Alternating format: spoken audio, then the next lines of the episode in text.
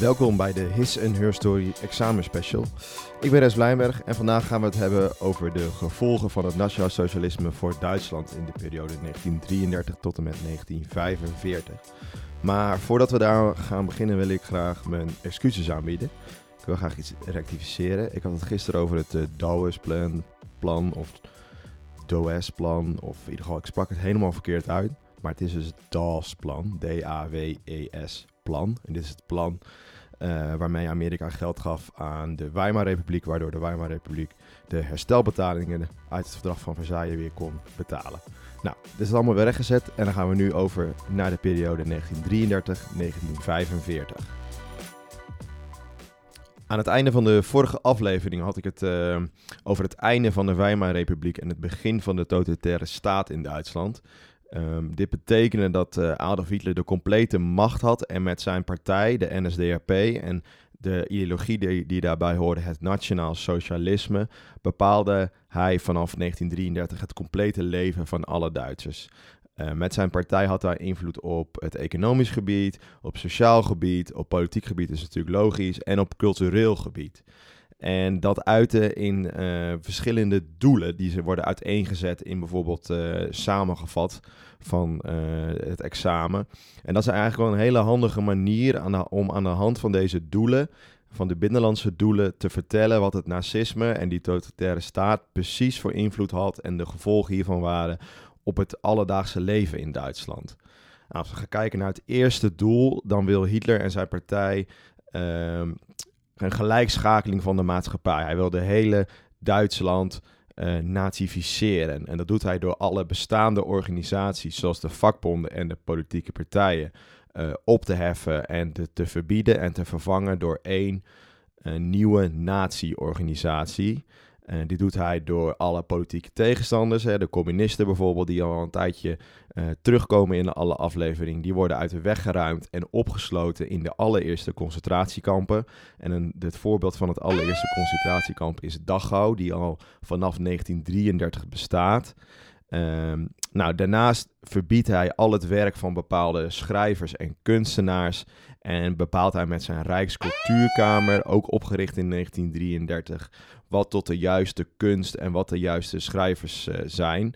Uh, en daarmee heeft hij dus een, ook een enorme invloed op alle cultuuruitingen in Duitsland.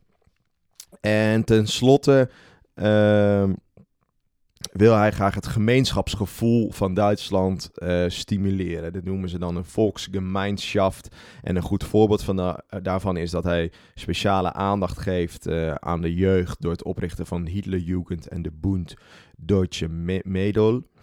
En daarmee heeft hij echt op alle niveaus van Duitsland invloed en kan hij zijn nazisme en zijn ideologie van het nazisme ja, doordrukken bij de bij de mensen in Duitsland. En tenslotte zien we bij dit eerste uh, binnenlandse doel van Hitler uh, dat dit allemaal samenkomt in bepaalde massabijeenkomsten die dan gehouden worden door de nazi's, waar uh, dan uh, Adolf Hitler kan spreken, maar andere, ook andere partijgenoten. En die worden dan ook weer vastgelegd op film en die worden daarna ook weer verspreid. Dus daarmee ehm, ja, wordt eigenlijk de hele ideologie van Duitsland verspreid over de complete Duitse natie. Nou, dit is dus vooral uh, eigenlijk, dit gaat vooral over uh, een soort van ja, gemeenschapsgevoel creëren en de, en de Duitse staat te nazificeren. maar hij doet ook nog meer dingen, waaronder dat hij ook op die massabijeenkomsten een racistisch wereldbeeld propagandeert. Eigenlijk zijn al heel lang worden de Joden altijd als zonnebok gezien in de hele geschiedenis. Dus uh, ga maar kijken vanaf, uh, nou, eigenlijk in de Bijbel komt het ook al voor, waren de Joden de zondebokken. En dat is tegenwoordig, of dat is tegenwoordig, dat is in de Tweede Wereldoorlog weer zo. In 1923 uh, werd Adolf Hitler opgepakt. Als je goed opgelet hebt in de vorige aflevering, schreef hij het boek Mijn Kamp. En daarin heeft hij het al over, ehm, over de Joden en geeft hij al de Joden de schuld van allerlei dingen, waaronder de economische achteruitgang in de toen nog Weimar-republiek. En um, tijdens die propagandabijeenkomsten en op die video's en films die worden verspreid uh, door de partij, maakt hij heel erg duidelijk dat de Joden niet tot het superieure uh, ras behoren. En als gevolg daarvan, van deze denkwijze, ontslaat hij dan ook systematisch alle Joodse, Joodse ambtenaren. Uh, mogen Joodse studenten niet meer studeren aan de universiteiten. Uh, worden Joodse winkels geboycott en die mogen dus niet meer open voor het publiek. En uiteindelijk uh, gaat het zelfs zo ver dat hij in 1935 de Nuremberger wetten invoert. En daarmee komt dan vast te liggen en dus ook per, per wet verboden dat je geen gemeenschap meer mag hebben met Joden en al helemaal niet meer mag trouwen met Joden. En daarmee komen de Joden compleet buitenspel te staan in de Duitse samenleving.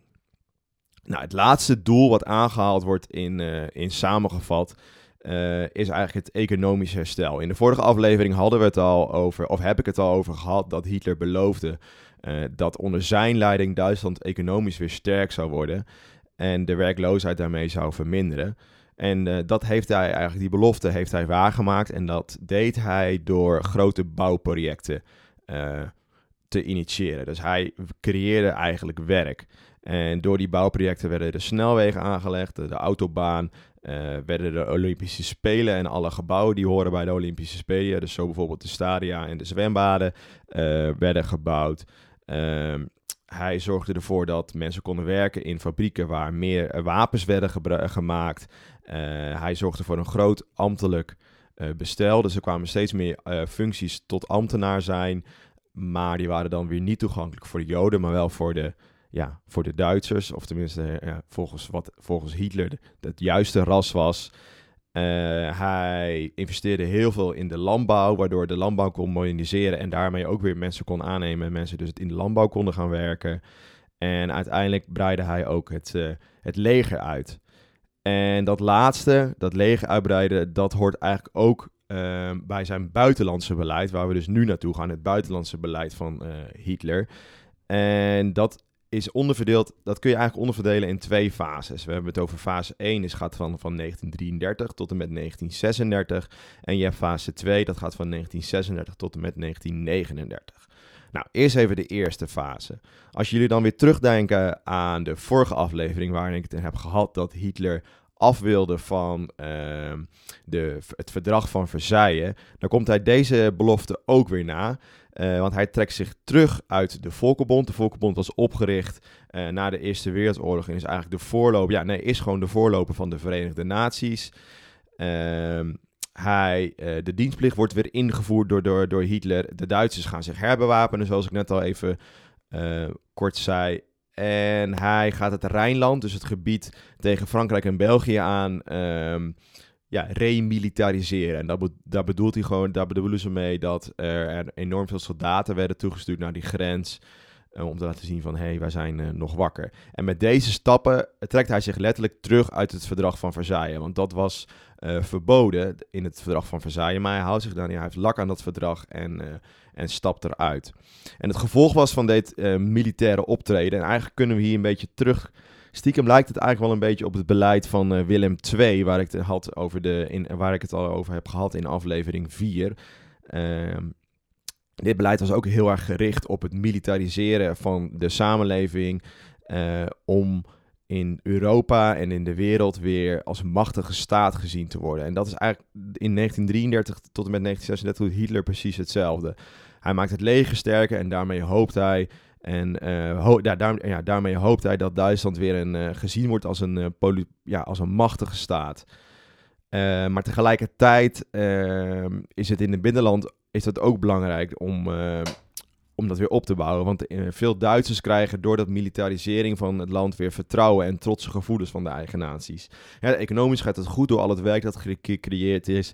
En dit uitzicht onder andere in de investeringen in het leger. En daarmee krijgen de Duitsers weer echt een gevoel van, oh, we, we doen er weer toe. En daardoor krijgt het naziregime van, van Hitler ook steeds meer steun binnen Duitsland.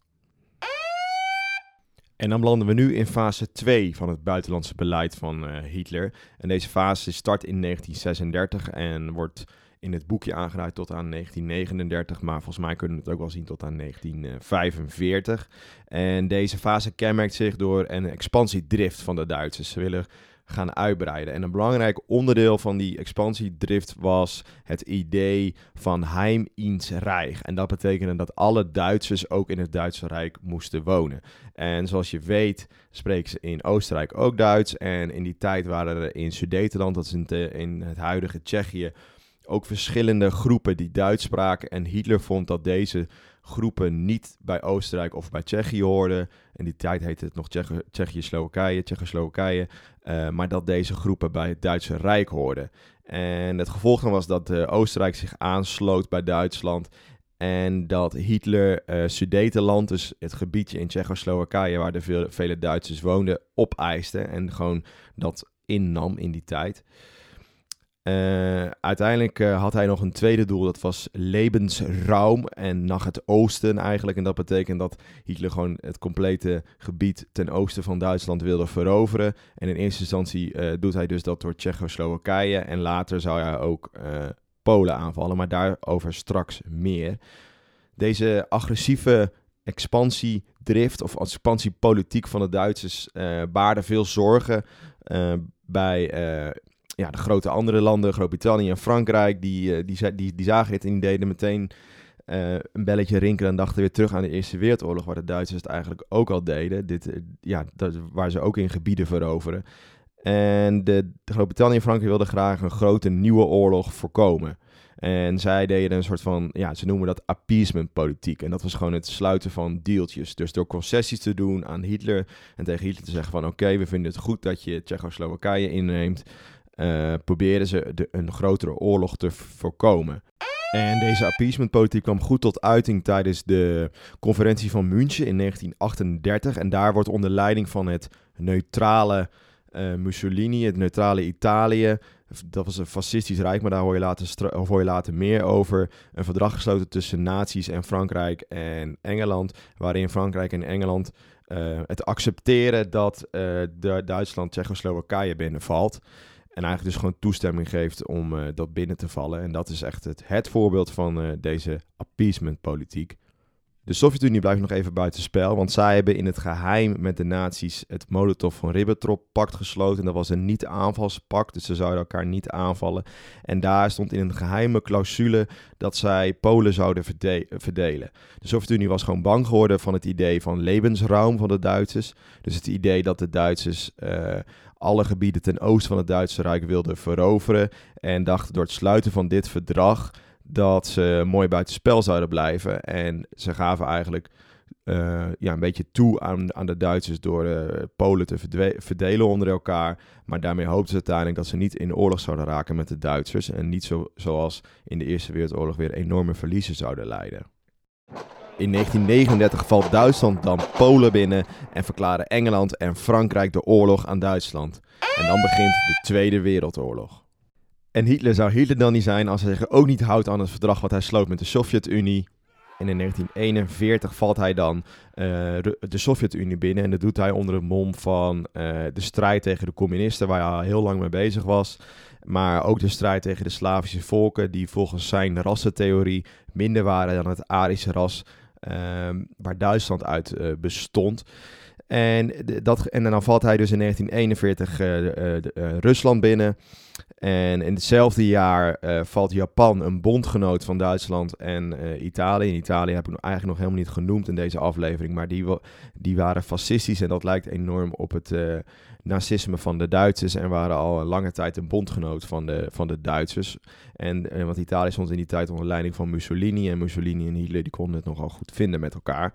Maar dit is even een klein zijstapje. Laten we even teruggaan weer naar 1941, waarin Japan uh, Pearl Harbor aanvalt. Een hele goede film, ga zeker kijken. En Pearl Harbor is een haven van de Verenigde Staten. En door deze aanval verklaren de Verenigde Staten de oorlog aan Japan. En als gevolg daarvan verklaren Duitsland en Italië weer de oorlog aan de Verenigde Staten. En is de grote Tweede Wereldoorlog begonnen. Want over de hele wereld wordt oorlog tegen elkaar gevoerd. Nou, door de oorlogsverklaring van Duitsland en Italië aan de Verenigde Staten uh, ja, worden de Verenigde Staten en Groot-Brittannië en de Sovjet-Unie een bondgenoot in de strijd tegen, na, tegen Nazi-Duitsland en ook fascistisch Italië. Maar intussen verovert Duitsland enorm veel gebieden. Um, in Nederland wordt natuurlijk veroverd, België, delen van Frankrijk en in het oosten heel veel gebieden. En wat ze daar doen is het voortzetten van het, racisme, uh, ja, het racistische ideeën uh, die ze in Duitsland ook al uitvoeren. Uh, in de bezette gebieden worden dan, ja, wordt eigenlijk ook gena genazificeerd en worden de anti-Joodse maatregelen en, etnisch, en vinden de etnische zuiveringen plaats. Het verschil tussen uh, Europa, of ja, West-Europa en de Slavische volken, dus alles ten oosten, is dat volgens de theorie van de naties zijn, West, ja, is, zijn de West-Europeanen, dus Nederland en België, uh, het, het Arische ras, het betere ras en nog beter dan de, Sla uh, de Slavische volken in het oosten. En worden deze Slavische volken ook dus enorm slecht uh, behandeld. Maar vooral de Joden, Zigeuners, Sinti, gehandicapten, homo's, et cetera, et cetera, die komen er helemaal slecht vanaf en worden opgepakt en vermoord. En deze systematische uitroeiing van uh, deze verschillende uh, groepen mensen uh, is dus echt een ware genocide. En vooral de Joden, op de Joden is, vindt er een, een, ware genocide plaats. aan de hand van allerlei concentratiekampen en vernietigingskampen, waar op een systematische manier de Joden vermoord worden. En uiteindelijk zijn de miljoenen Joden in de Tweede Wereldoorlog opgepakt en met treinen naar kampen vervoerd, waarin ze vergast zijn. En op deze manier proberen de Duitsers of de nazi's de Joden uit te roeien. En um, ja, deze systematische aanpak hebben de nazi's bedacht in 1942 tijdens de Wannsee-conferentie. En op deze conferentie aan de Wannsee, een meertje in Berlijn, besloten de nazileiders om over te gaan op een totale vernietiging uh, van het Joodse volk. De gevangenis raakte vol en eigenlijk waren er alleen maar praktische redenen uh, dat ze niks meer, niet zo goed meer wisten wat ze met al die gevangen Joden aan moesten en waar ze die moesten opsluiten. Dat ze maar besloten uh, tot een systematische genocide die onder leiding stond van de SS. Dat was een speciale politie uh, van de nazi's. En dan in de bezette gebieden worden de Joden dan opgepakt en op trans transport gezet naar uh, verschillende vernietigingskampen, waaronder Dachau, Auschwitz en Birkenau. Gelukkig voor onze vrijheid blijven de geallieerden dapper vechten tegen de nazi-Duitsland. In het oosten zien we dan dat de slag bij Stalingrad in 1942, 1943 echt een keerpunt is uh, voor de nazi's. Ze worden hier verslagen en leiden enorme nederlagen. Dit komt ook on onder andere door het koude weer, waar ze niet goed op voorbereid waren. En uh, ja, door, door die nederlaag bij Stalingrad, een stad, uh, kunnen ze niet meer verder het oosten in en worden ze eigenlijk geblokkeerd. Uh, voor het westelijke offensief, dus in West-Europa, uh, zien we dat in juni 1944 D-Day echt een keerpunt daarvoor was. Mocht je tijdens het leren echt helemaal doorheen zitten, kijk dan even Saving Private Ryan. Een goede tip, die gaat over uh, D-Day. Nou, op 6 juni 1944 gaan de geallieerden aan wal in Normandië. zoals je misschien weet hebben de nazi's van eigenlijk van Noord Denemarken tot aan Spanje of in, ongeveer nou, tot aan Frankrijk een Atlantic Wall gebouwd. En dat was tegen de, ja, ze waren bang voor een inval vanaf zee en door allerlei bunkers neer te zetten met, met bewapens erop probeerden ze die, die aanvallen tegen te gaan. Maar in Normandië was precies een stukje waar de, uh, waar de wel aan, aan wal konden. En dat, dat lukt ze ook. En door het veroveren van uh, Normandië via die day konden ze langzaam optrekken naar het noorden en via België naar, uh, naar Nederland komen. En dan komen op een gegeven moment de westelijke geallieerden en het Rode Leger van de Sovjet-Unie uh, komen via twee kanten, trekken ze richting uh, Berlijn. En dan in 1945, in mei 1945, neemt het Russische leger Berlijn in. En uh, de westelijke troepen komen ook steeds dichter bij uh, Duitsland. En, in 19, en zij ja, maken Nederland vrij in mei 1945. En uiteindelijk capituleert Duitsland. Is ook nog een film over gemaakt over die laatste dagen van Nazi-Duitsland. En dat is de Untergang. Nou, dit was mijn laatste filmtip, maar ook meteen het einde van uh, deze aflevering. Hij is iets langer dan normaal, maar het was ook enorm veel stof om uh, door te nemen. Het is wel goed om te onthouden, om te kijken naar op welke manier de nazi's Duitsland en de, veranderen de maatschappij verna eigenlijk. En welke invloed hun buitenlandse politiek had op het ontstaan van de Tweede Wereldoorlog. Nou, ik hoop dat jullie weer uh, enorm eh, veel geleerd hebben en zin hebben in het examen. En tot de volgende aflevering waar we het gaan hebben over de Koude Oorlog. Doei!